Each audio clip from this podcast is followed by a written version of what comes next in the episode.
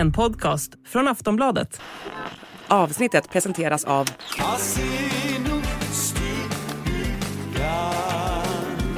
Stödlinjen.se, åldersgräns 18 år. Drottning Elizabeths dagböcker och brev riskerar att censureras och kanske till och med brännas upp. Och det betyder att historiskt viktiga dokument aldrig blir en del av historien. Vi kommer även att prata om prins Harry och Meghan som försökt tysta en skola som de har besökt. Ingen får säga något negativt om paret, men är det här verkligen lagligt? Vi berättar även om prinsessan Märta Louise och shamanens nya lyxiga hus i Norge. Och så pratar vi om cykelturisterna som faktiskt träffade på kung Charles långt ute på landsbygden i Skottland. Och vad sa kungen egentligen? Det här är Kungligt. Jag heter Sara Eriksson. Och jag heter Jenny Alexandersson.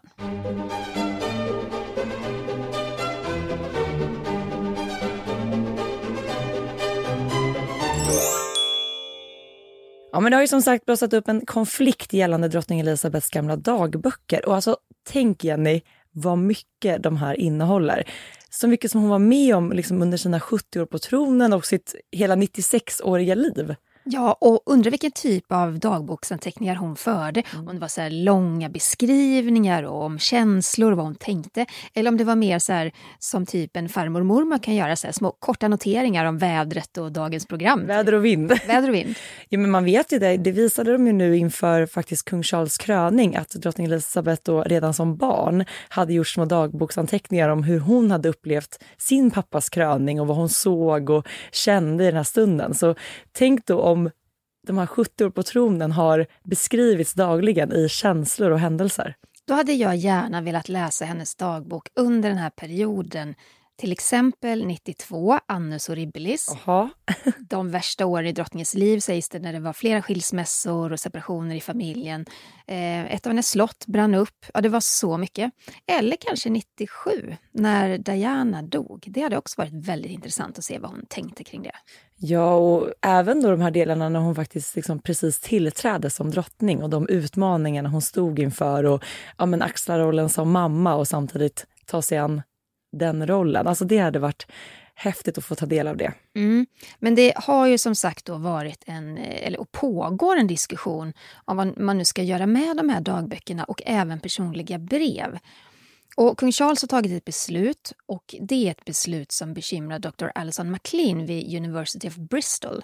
För han tillsammans med andra akademiker ifrågasätter kung Charles val att låta medarbetaren vid hovet, Paul Wybrow, han som även kallas eh, Tall Paul av drottningen, för han var väldigt lång och det fanns två Paul vid hovet. Men det är nämligen han då som ska gå igenom alla dagböcker och brev.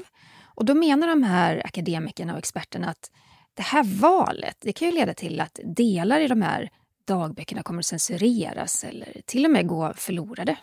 Ja, de kan ju till och med riskeras att faktiskt brännas upp. För det har ju hänt tidigare och vi ska komma in på det. Men eh, om man tar en titt på Paul, eller Tall Paul igen i alla fall då, eh, då säger den här Dr. Allison att han är inte utbildad varken inom historia eller arkivering.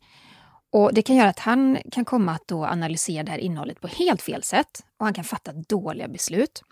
Och Experterna är då rädda för att viktiga historiska dokument kommer att förstöras. Och De hävdar även att det finns en risk då att eh, Tall Paul kommer känna sig skyldig att eh, ja, men kanske mer tänka på sin lojalitet gentemot kungafamiljen framför forskare och historikers eh, intressen helt enkelt. För det som Paul nu ska göra det är att han ska gå igenom allt som finns då efter drottning Elizabeth, vilket är en hel del kan man ju tänka sig. För sen ska ju då han fatta beslut om vad som faktiskt ska placeras i det kungliga arkivet på Windsor Castle. Jag kan ju hålla med de här experterna. Är det, inte, är det konstigt att en av drottning Elizabeths närmaste medarbetare ska göra det här? Ja, men jag tycker också det är lite konstigt och som Alison säger att jag menar de här dagböckerna och breven, de har ju stor potential för att liksom bli en betydande ja, men historisk resurs. Här kom- får man ju verkligen en unik inblick i drottningens liv. Ja, och sen ska man också tänka att de här kungliga arkiven, eh, likväl i Storbritannien som i alla europeiska länder, de är ju ganska stängda för allmänheten, utan det är ju mer ett sätt att, att spara de här dokumenten. Eh, och sen så är det ju också så att eh, det finns en historia kring att förstöra viktiga handlingar inom kungafamiljen. Och det finns ju då en rädsla att det kan komma att hända igen.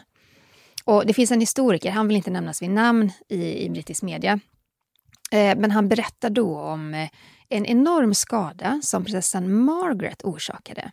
Därför, hon eldade upp sin mamma, alltså drottningmoderns personliga brev. Och bland de breven så fanns det många som hade då skickats, eh, eller som kom från prinsessan Diana. Och den här historikern då eh, säger så här. Hon gjorde en brasa, la papprena i svarta plastpåsar och brände dem. Men det tycker jag är ovärdigt. Fruktansvärt ovärdigt. Alltså det är också att manipulera historien på något vis, att man tar bort viktiga dokument och brev som kan betyda någonting för, för många. Och jag tänkte direkt när, jag läste det just att det var många brev ifrån Diana till, skrivna då till drottningmodern, att så här, kan det också ha varit mycket kanske information i de här breven som kunde då ha varit till Dianas fördel?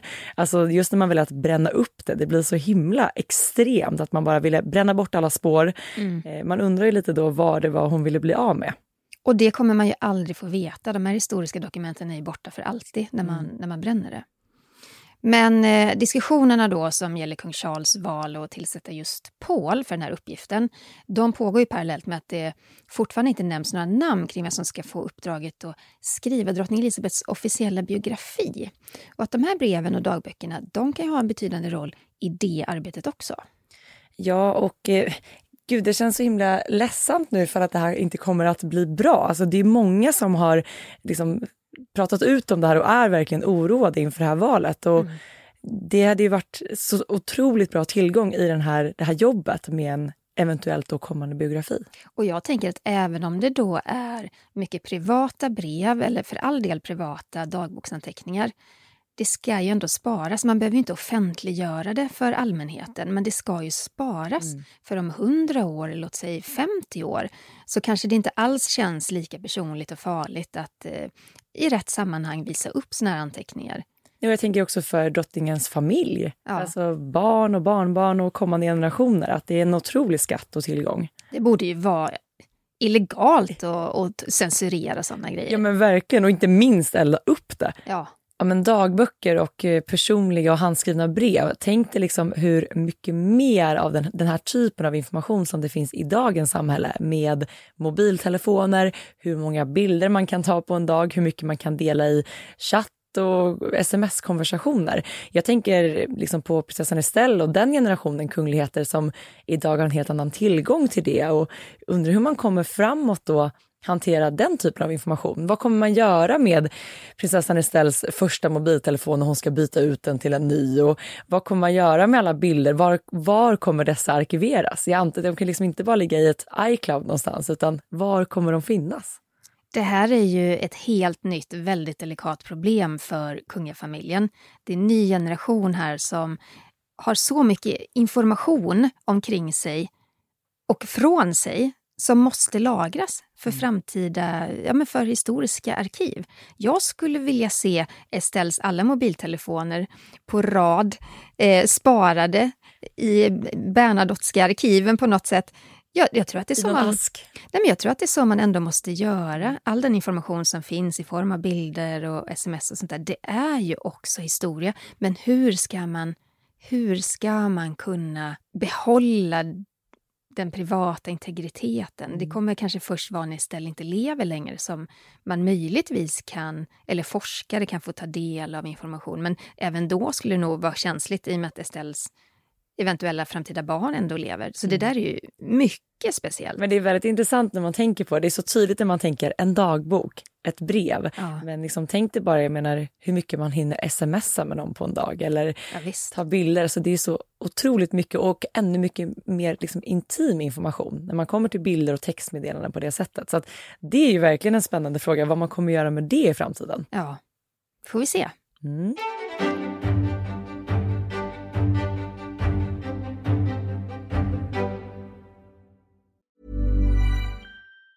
Tired of ads barging into your favorite news podcasts?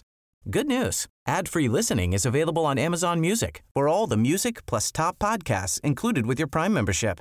Stay up to date on everything newsworthy by downloading the Amazon Music app for free or go to amazon.com slash news ad free. That's amazon.com slash news ad free to catch up on the latest episodes without the ads. Vi ska också prata om kung Charles på ett annat sätt. Eh, det är nämligen så att det, blivit, det finns ett klipp som har blivit väldigt viralt på sociala medier och jag tycker vi lyssnar lite på det. So you, you're being left to walk and everyone else is... Oh yeah, but I, Got a I left. like my walking. I want to get Quite right. a few things on the way down. Good for, good for the soul. Well, we'll be staying in the Gaudashire Bothy tonight. You are. Yeah, Yeah, yeah. left all our stuff there, so... But I'm so glad it works all right, I think, because It's it's... lovely. do you Oh, it's, it's really nice. Yeah. Ja, men det var ett kompisgäng på tre personer som var ute och cyklade ute i naturen vid Balmoral i Skottland. Och ena cyklisten hade då en sån här GoPro-kamera som man liksom sätter fast på cykelhjälmen och sen spelar den in hela cykelturen och den här vackra miljön som den var i. Men helt plötsligt då så fångade kameran ett annat ögonblick som nu har då spridits väldigt fort på internet. Och ni kanske inte hörde så väl, för ljudet är ju lite speciellt i det här klippet. Men den som dyker upp, det är ju då kung Charles. Och man kan se, i och med att det också finns film på det här, då, han bär en kakifärgad rock, en matchande hatt och så en vandringskäpp. Han ser verkligen ut att passa in i, i, i det här landskapet och det är ju uppe i Skottland, nära Balmoral. Och de här cyklisterna de stannade till vid kungen, de kände igen honom. Och så frågade de honom hur han hade det då på sin årliga semester i Balmoral. Och kungen svarar att eh, han hade det bra och att det är underbart här uppe. Och så slår han ut med sina armar och syftar då till det här regniga vädret. Regnar inte alltid i Skottland? Jo, men det är ju liksom Ja. den bilden man har av det. Ja, och så lägger han till då att det är typiskt och myggen är förskräckliga. Ja, och sen då det här gänget kommenterade då att kungen var ute ensam på promenad och eh, kung Charles svarade då att han gillar sina promenader och att han alltid ser väldigt många olika saker under det här. Men jag tänkte faktiskt på det Jenny, han är ju ute helt solo här. Det är ju inga livvakter som syns till. Nej, men jag blev väldigt förvånad. Eh, för att man ser det- cyklisten med kameran, han är ju längst bak i sitt gäng så att han filmar ju hela miljön. Och det är bara kungen som, som står där. Visst, möjligtvis kan det stå en livvakt bakom han, cyklisten, men, men det låter lite... Det, det, man får inte den känslan. Nej, för de har också så här, de kommer ju cyklandes, man ser det på klippet och då Ja. står ändå kung Charles en bit ifrån dem, alltså på en Ja. ganska så bred stig. Och jag menar, det känns ändå som att man ett kanske borde ha hört en till person när de pratar med honom. Så jag tror faktiskt att han var, var ute och sen också att de säger det, du är ute ensam på promenad. Och att han kommenterar det, så att han var förmodligen själv uppe på berget. Jag blir väldigt förvånad. Jag blir till och med lite chockad över det, för att han är ändå Storbritannien och samväldets eh, regent, statschef. Mm. Jag tror inte man har låtit kungen vandra runt ensam på fjället. Nej, det tror inte jag heller. Men det här är lite kul för de fortsätter ju då. Det är ändå kung Charles, det är inte så att han avvisar dem på något sätt utan de har en liten pratstund där tillsammans. Och eh, cykeltrion berättar sen för kungen att de ska övernatta, det är någon form av, om jag förstår rätt, någon form av stuga då eh, in till ett gods i närheten som man då kan bruka helt gratis. Och det är väl till för att man vill att man ska kunna turista i den här miljön. Mm. Ja, det, är ju, det är ju något som är byggt liksom för, för allmänheten. Eh, och då säger kungen så här. Åh, gör ni det? Vad bra. Jag är så glad att det fungerar eftersom vi renoverar det med lite hjälp. Ja, så pausar han lite och så säger han, men jag försöker få fler träd att växa runt det. Och det är så typiskt Charles. Alltså miljön, Alltid. naturen är alltid hans fokus. Och eh, sen frågar de då kungen ifall att han någonsin själv då bor på go- godset. Och eh, då svarar han att de gjorde det mycket förr och att de även har campat där när han var ung, både tillsammans med sin pappa och sin syster. Men så lägger han till också att eh, numera så används det av en annan generation som vill göra sådana saker. Och sen berättar han att de ibland är där och har picknick eller grillar. Låter ju väldigt mysigt. Låter jättemysigt. Mm. Och innan Charles gick vidare då så sa han till den här trion att eh, var försiktiga, ramla inte.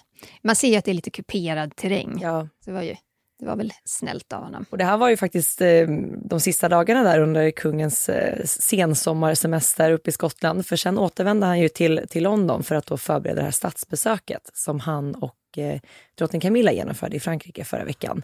Men vi måste också, det finns ju en ganska rolig historia gällande det här att springa på kungligheter i den här skotska miljön. Eh, det var ju faktiskt ett par amerikanska turister som mötte drottning Elizabeth men kände inte igen henne. Mm.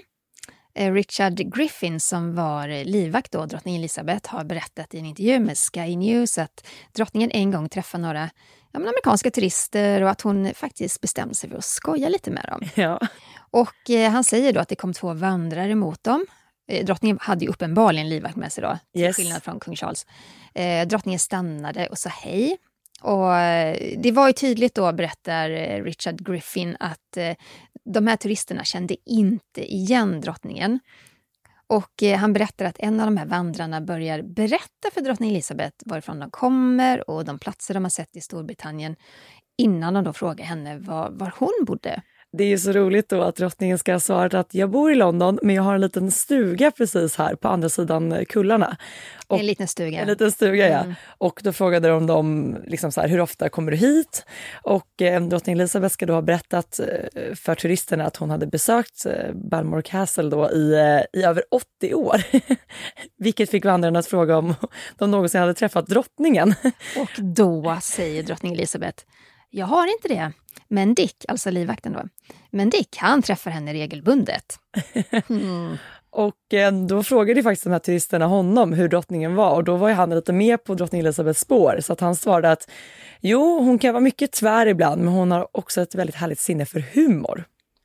Och ja, alltså man gillar ju den här sidan av drottning Elizabeth. Ja.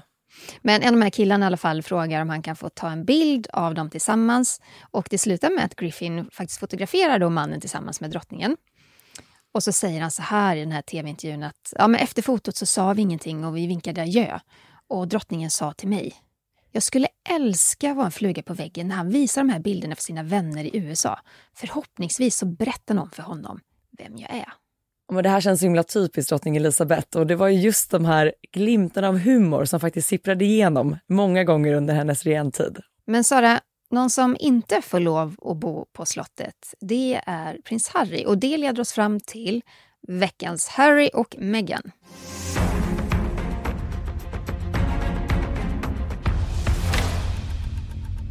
Ja, prins Harry han måste numera meddela intresse för att bo på ett kungligt residens när han kommer till London. Ja, han måste alltså be sin pappa om lov enligt brittisk media.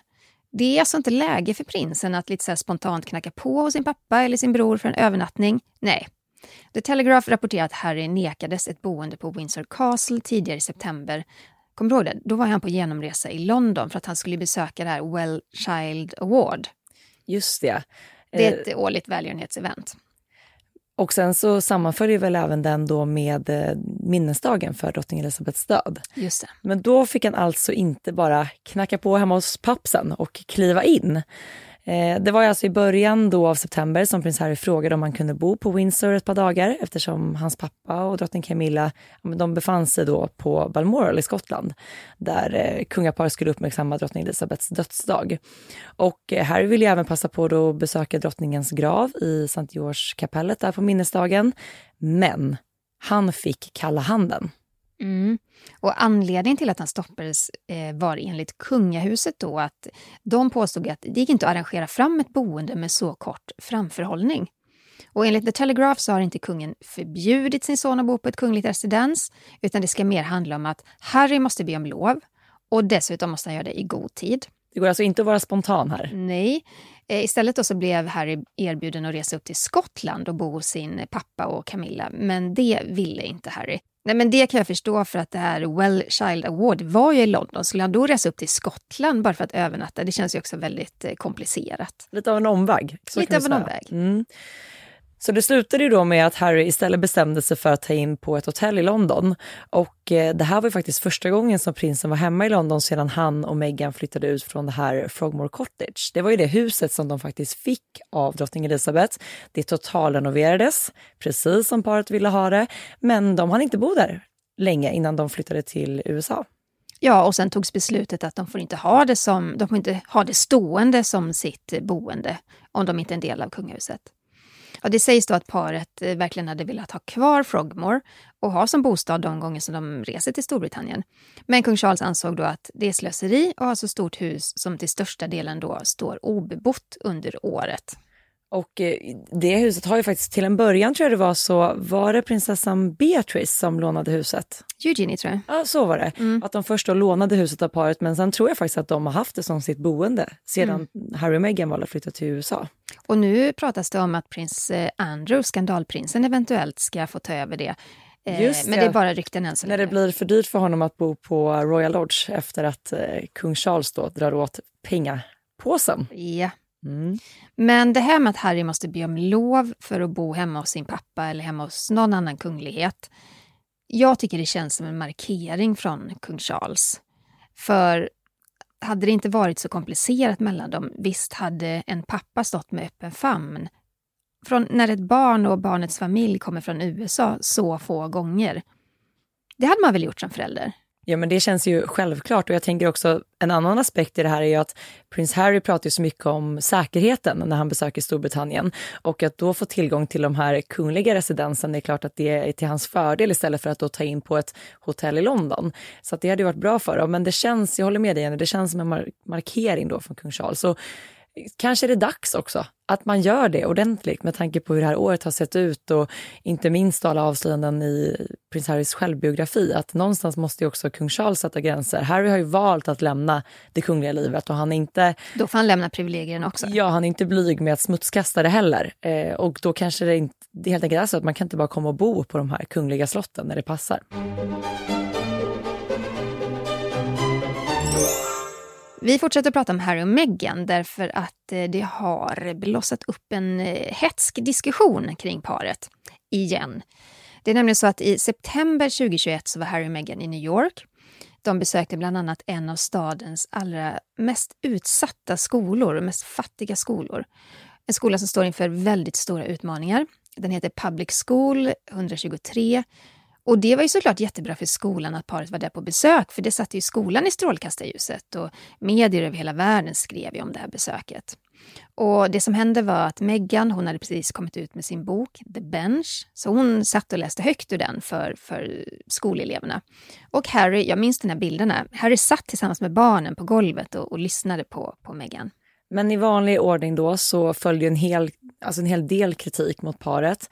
Och det händer ju faktiskt varje gång Harry och Meghan gör något i det offentliga. Det får man ju lov att säga. Mm. Vad var det den här gången då? Ja, men dels handlade det om att Meghans kläder väckte ju starka reaktioner. Hon bar, under det här besöket så bar hon en kostym som kostade 55 000 kronor och hon bar väldigt exklusiva smycken då från bland annat Cartier. Och, ja, men många menade att så här, det här kanske inte var så genomtänkt då någon skulle träffa barn och unga vars föräldrar föräldrar då kämpar för att liksom sätta mat på bordet varje dag. Nej, men det är lite tondövt. Mm.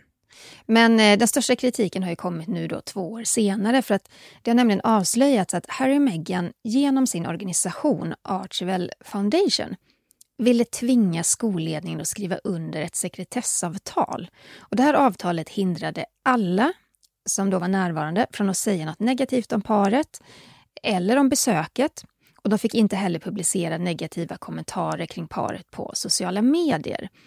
Och eh, i det här avtalet så stod det ju då också att det ska gälla från och med besöket och för all framtid. Det är ju rätt hårt. Det är hårt och eh, Foundation då hävdar enligt brittisk media att man använder så standardformuleringar och avtal. Och paret hade ju ett tv-team med sig som då filmade och tog bilder från det här besöket. Och det var ju sedan med i parets Netflix-dokumentär. Eh, ni vet den som kom i slutet av förra året, Harry och Meghan. Och det har ju även avslöjats att Harry och Meghans medarbetare portade fyra brittiska tidningar från att vara med vid, vid ett event då vid World Trade Center, trots att det är en offentlig plats. Så man liksom har ju verkligen så här, det är avtal, mm. man fryser ut vissa medier, man väljer vilka som ska komma och närvara. Mm. Det känns väldigt amerikanskt, men, men eh, ändå. Archewell skickade avtalet då till skolan endast tre dagar innan paret anlände. Och eh, det är skickat då från parets PR-team och medarbetaren Toya Holness. Men det verkar faktiskt inte helt klart ifall skolan verkligen gick med på att skriva under det här avtalet. Skolledningen hade även bett då att det här eh, pressmeddelandet som skulle skickas ut kring besöket. Ofta brukar det vara så att det skickas ut både från skolans håll men även från kungligheternas håll. Då. Eh, men de, skolan ville att det skulle omformuleras och inte bara vara inriktat på Megans bok The Bench.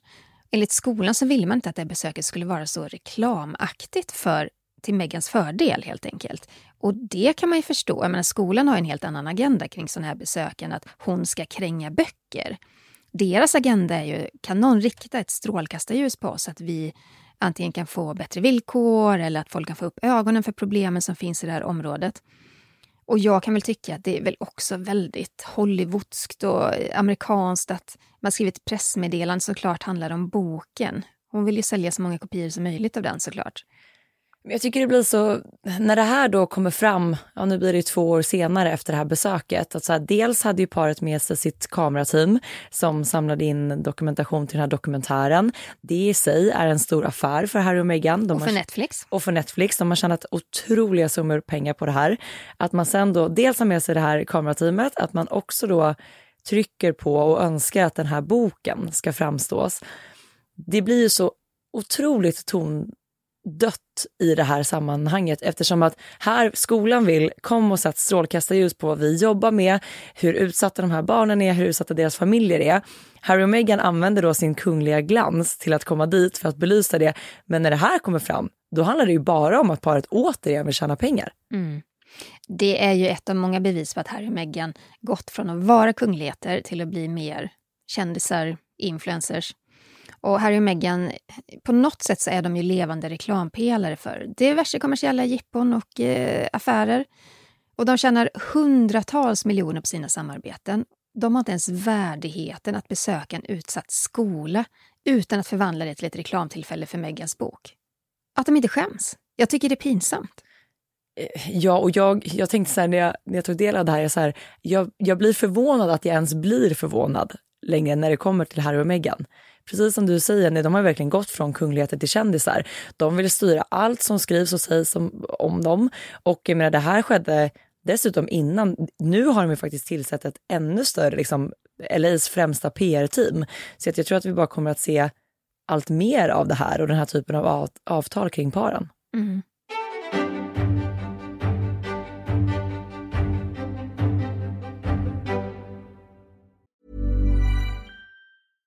This message comes from BOF sponsor eBay.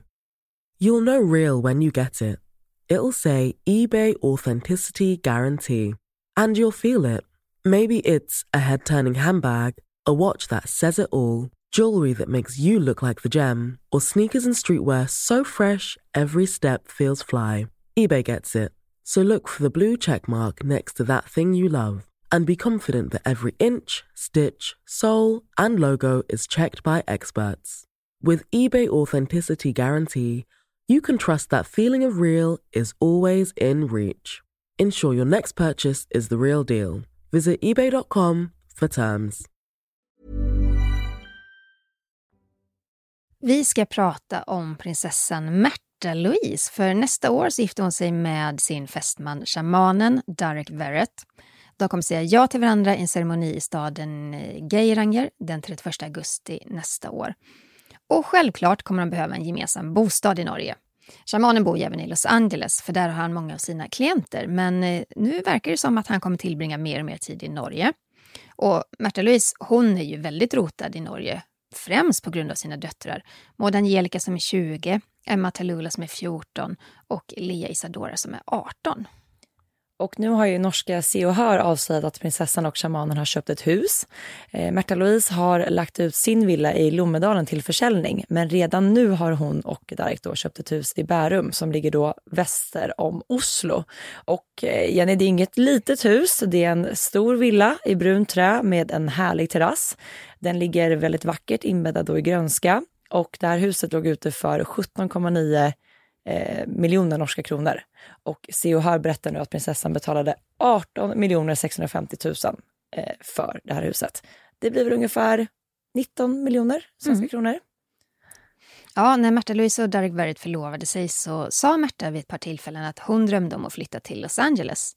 Men så kom pandemin och samtidigt så är det ju så att döttrarna de går i skola i Norge. De har sina karriärer här i Norge också.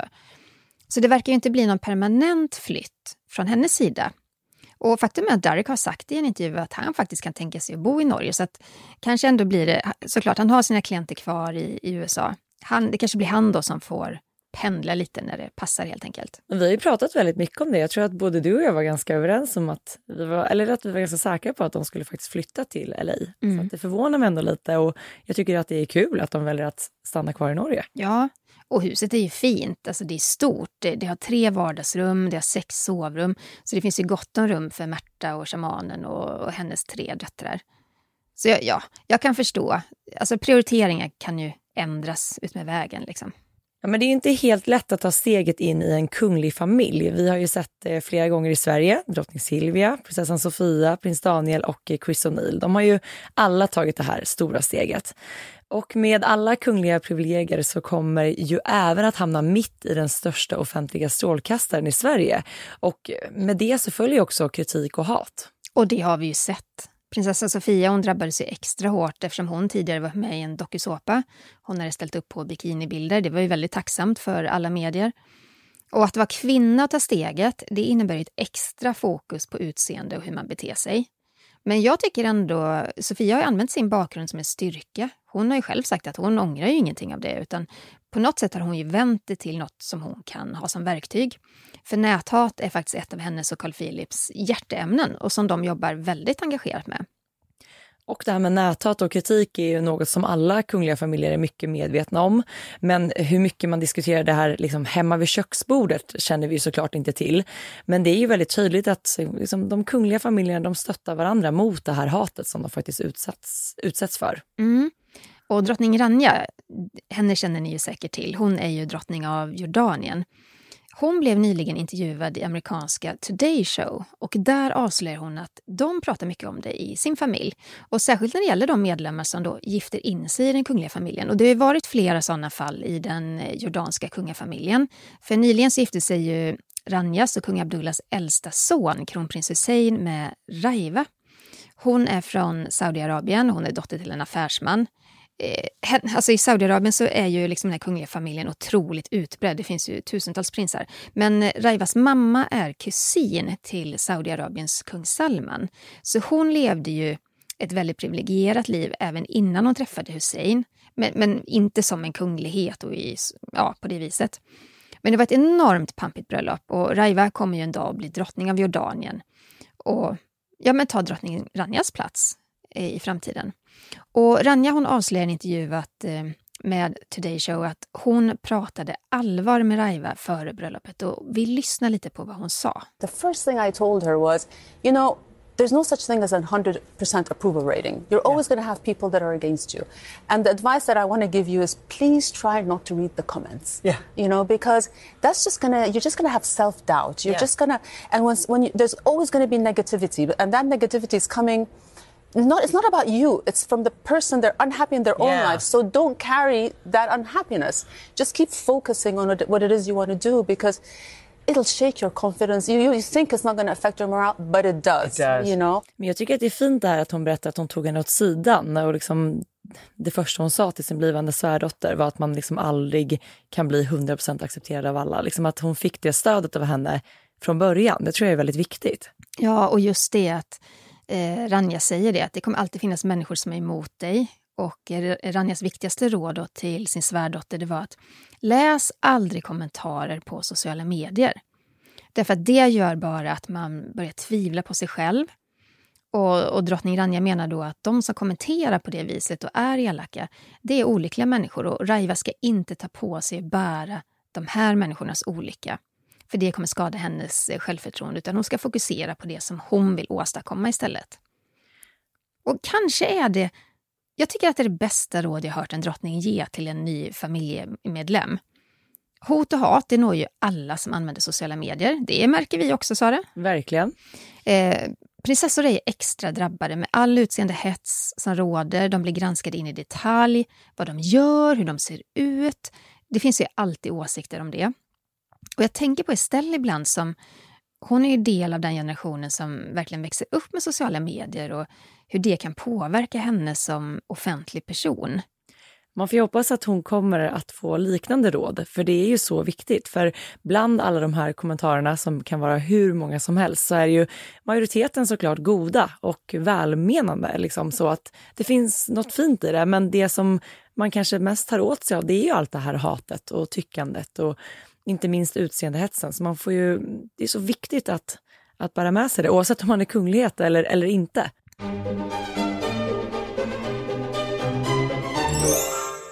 Vi har fått eh, lite lyssnarfrågor. Vill ni skicka frågor till oss så skriv till kungligt aftonbladet.se.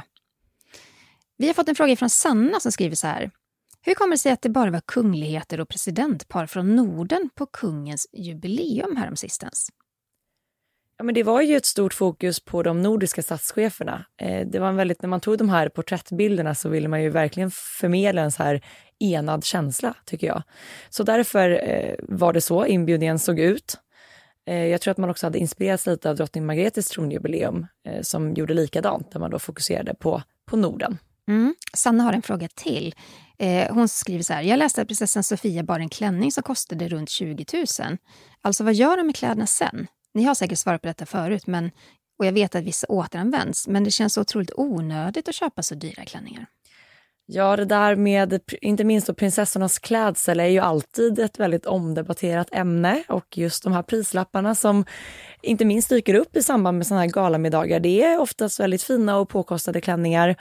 Eh, korrekt är att prinsessa Sofia bar en dyr klänning. Prinsessa Madeleines klänning kostade runt 55 000 så att det är ju verkligen dyra klänningar. Och de sparas ju såklart och man tar väldigt väl om hand om dem. Så att de ska kunna det är också gå. en del av historien. Också en del av historien. Och sen då förmodligen då tänker man att man ska kunna återanvända dem igen. Vissa klänningar i svenska kungahuset är man ju väldigt bra på det. Eh, men att de dyker upp sen vid ett senare tillfälle eller sparas. Så att det är ungefär så det ser ut. Vi har fått en fråga från Charlotte som skriver Hej och tack för en bra podd. Eh, er podd är en av mina favoritpoddar under veckan. Åh, tack, tack Charlotte. Charlotte, vad glada vi blir. Eh, jag har en fundering kring vilka, vilken utbildning prinsessan Madeleine, prinsessan Sofia och drottning Silvia har. Vet att ni tidigare berättat om vad kronprinsessan Victoria läst och det var ju en hel del. Ja, Victoria har en gedigen utbildning, det kan man säga. Den är också skräddarsydd för henne som blivande drottning. Men eh, av de här tre, Madeleine Sofia och drottning Silvia, så är det nog Madeleine som är den som har studerat längst på universitetet. Eh, hon började sina studier med en juridisk översiktskurs. Sen läste hon konstvetenskap, etnologi och historia. Lite grann sådär som många gör i början av sin akademiska karriär. Ja, men man plockar men, ihop lite och testar sig fram. Testar sig fram. Mm. Men det slutade i alla fall med att prinsessa Madeleine tog en fil. kand. vintern 2006. Och efter sin examen så praktiserade hon vid Unicef i New York. Och det var våren 2006. Och på hösten där så läste hon en magisterkurs i organisation och ledarskap vid Stockholms universitet.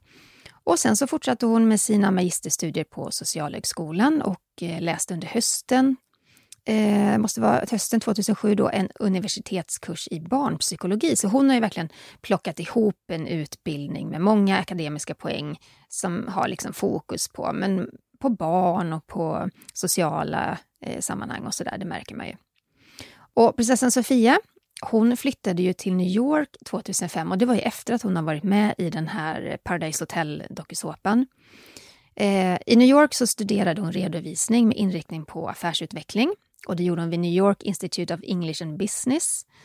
Och samtidigt så utbildade hon sig även till yogalärare. Jag kommer ihåg att hon jobbade på ett yogacenter. Mm.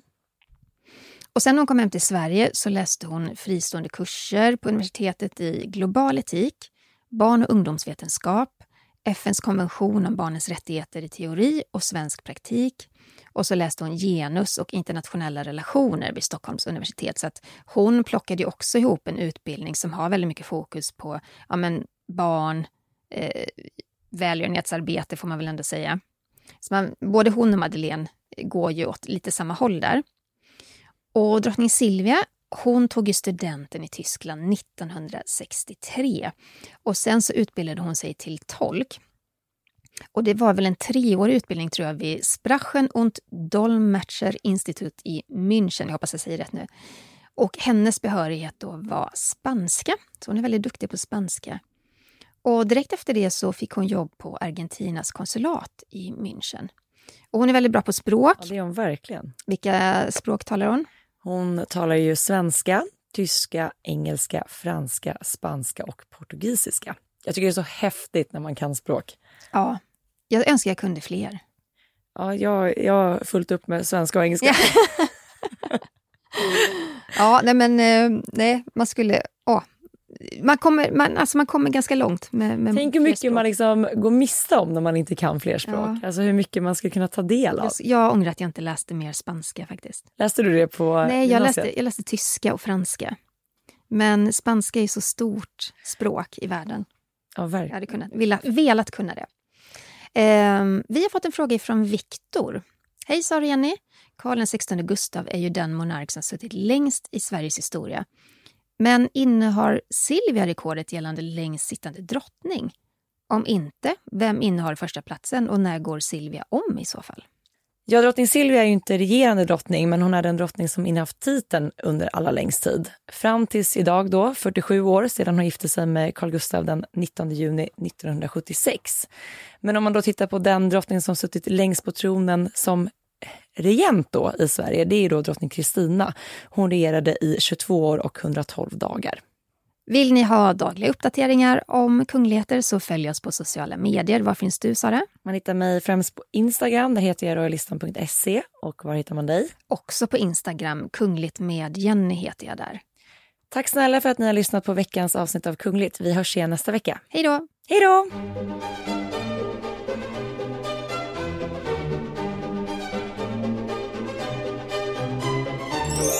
Du har lyssnat på en podcast från Aftonbladet.